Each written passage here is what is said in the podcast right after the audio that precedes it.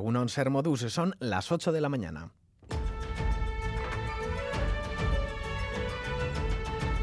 Crónica de Euskadi con Lier Puente.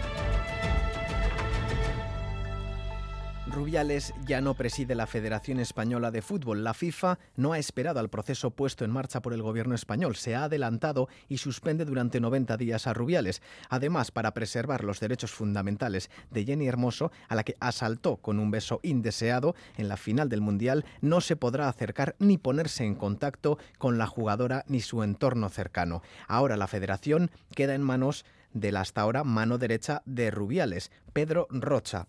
El Gobierno de España aplaude la decisión de la FIFA y seguirá con el proceso de destitución que había abierto el Consejo Superior de Deportes. Escuchamos a Víctor Francos. Viene a, reforzar y a reafirmar que el camino que el Gobierno de España comunicó ayer por la tarde es el, es el correcto y que la FIFA comparte que los hechos son merecedores de, de ser analizados, investigados y evidentemente la hoja de ruta del gobierno en ningún caso se ve modificada por, por los hechos de, que han anunciado hoy la FIFA.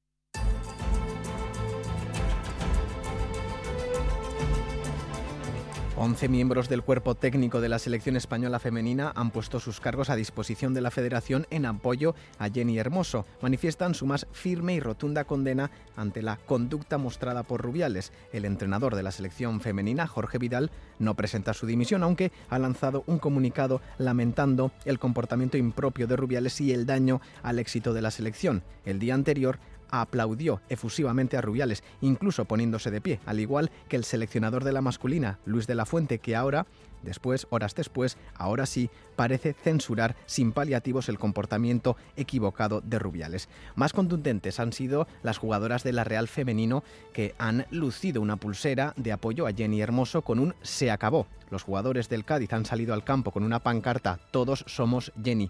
También se han pronunciado el entrenador del Atlético Ernesto Valverde y Yago Barrasate, entrenador de Osasuna.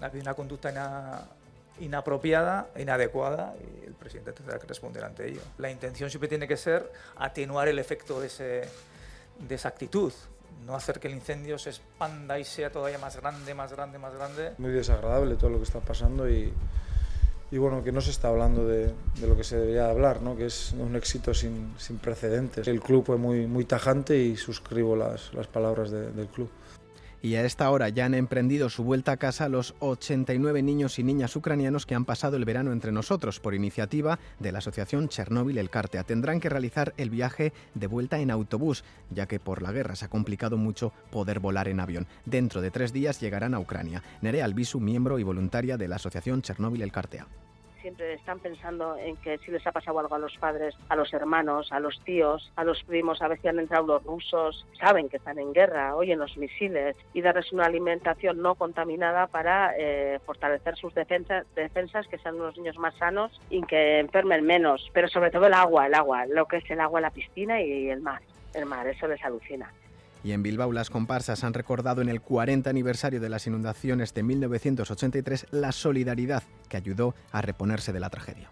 Eh, celebrar y homenajear a las personas que estuvieron trabajando, porque consideramos que lo importante es eso, el trabajo que hizo la gente eh, que se unió eh, bueno, pues para superar esa, esa, tragedia. Gracias al trabajo común es como se sacan las cosas adelante. ¿no? El homenaje que vamos a hacer pues, a toda la solidaridad que tuvo todo el pueblo, es que se volcaron desde gente mayor, pequeños, se había que hacer algo y ahí estuvimos.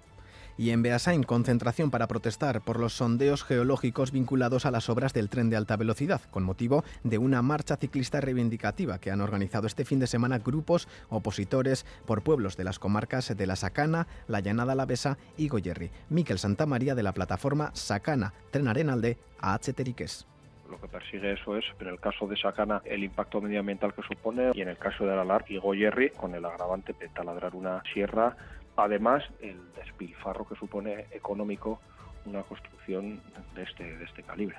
Repasamos el resto de noticias deportivas con John Zubieta. Egunon. Hola, Egunon. Empezamos hablando de fútbol, del partido que disputará el Athletic ante el Betis a las nueve y media en San Mamés. Ernesto Valverde recupera a Yuri y Dani García.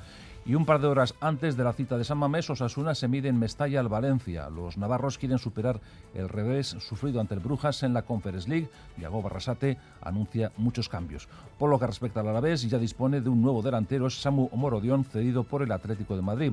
Y en segunda división, el Amorebieta juega esta tarde en Lezama frente a un incómodo Andorra. En fútbol femenino, la Real Sociedad se clasificó para la final de Euskal Herria Copa tras ganar 4-0 al Alavés. El 3 de septiembre se medirá el Atlético en la Guardia. En remo, recordamos que Orio dio la sorpresa en Aguas de Ondarroa y se hizo con la bandera. Ondarribia resta cuatro puntos a Urdaibai, que fue séptimo. En pelota, les recuerdo que esta tarde tenemos la final del torneo Astenagusia con Ezcurdia Zabaleta y Peña Mariz Currena como protagonismos, protagonistas. En ciclismo tenemos ya el primer líder de la Vuelta a España. Se trata del joven Milesi después de disputada la primera etapa, una crono por equipos y un apunte también de golf porque Ram es quinto en el abierto de Atlanta con menos 11 a 9 golpes del líder, el noruego Howland.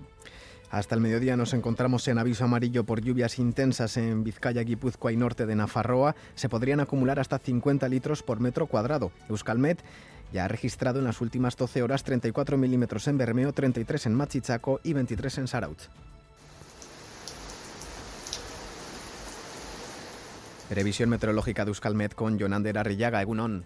Caixo Egunon, el de hoy va a ser un día desapacible, lluvioso y fresco. Lloverá de forma abundante en la mitad norte, con chaparrones que puntualmente pueden ser intensos y podrían incluso venir acompañados de tormentas, sobre todo en la costa y durante la primera mitad del día. En la mitad sur la lluvia va a ser más esporádica y más débil. Y por otro lado el viento del noroeste va a ganar fuerza, va a ser por momentos molesto y nos va a dejar una sensación de bastante fresco, ya que las temperaturas a duras penas van a llegar hasta los 20 grados. Así que hoy domingo tenemos un tiempo otoñal con chaparrones frecuentes en la mitad norte y un ambiente muy fresco para la época.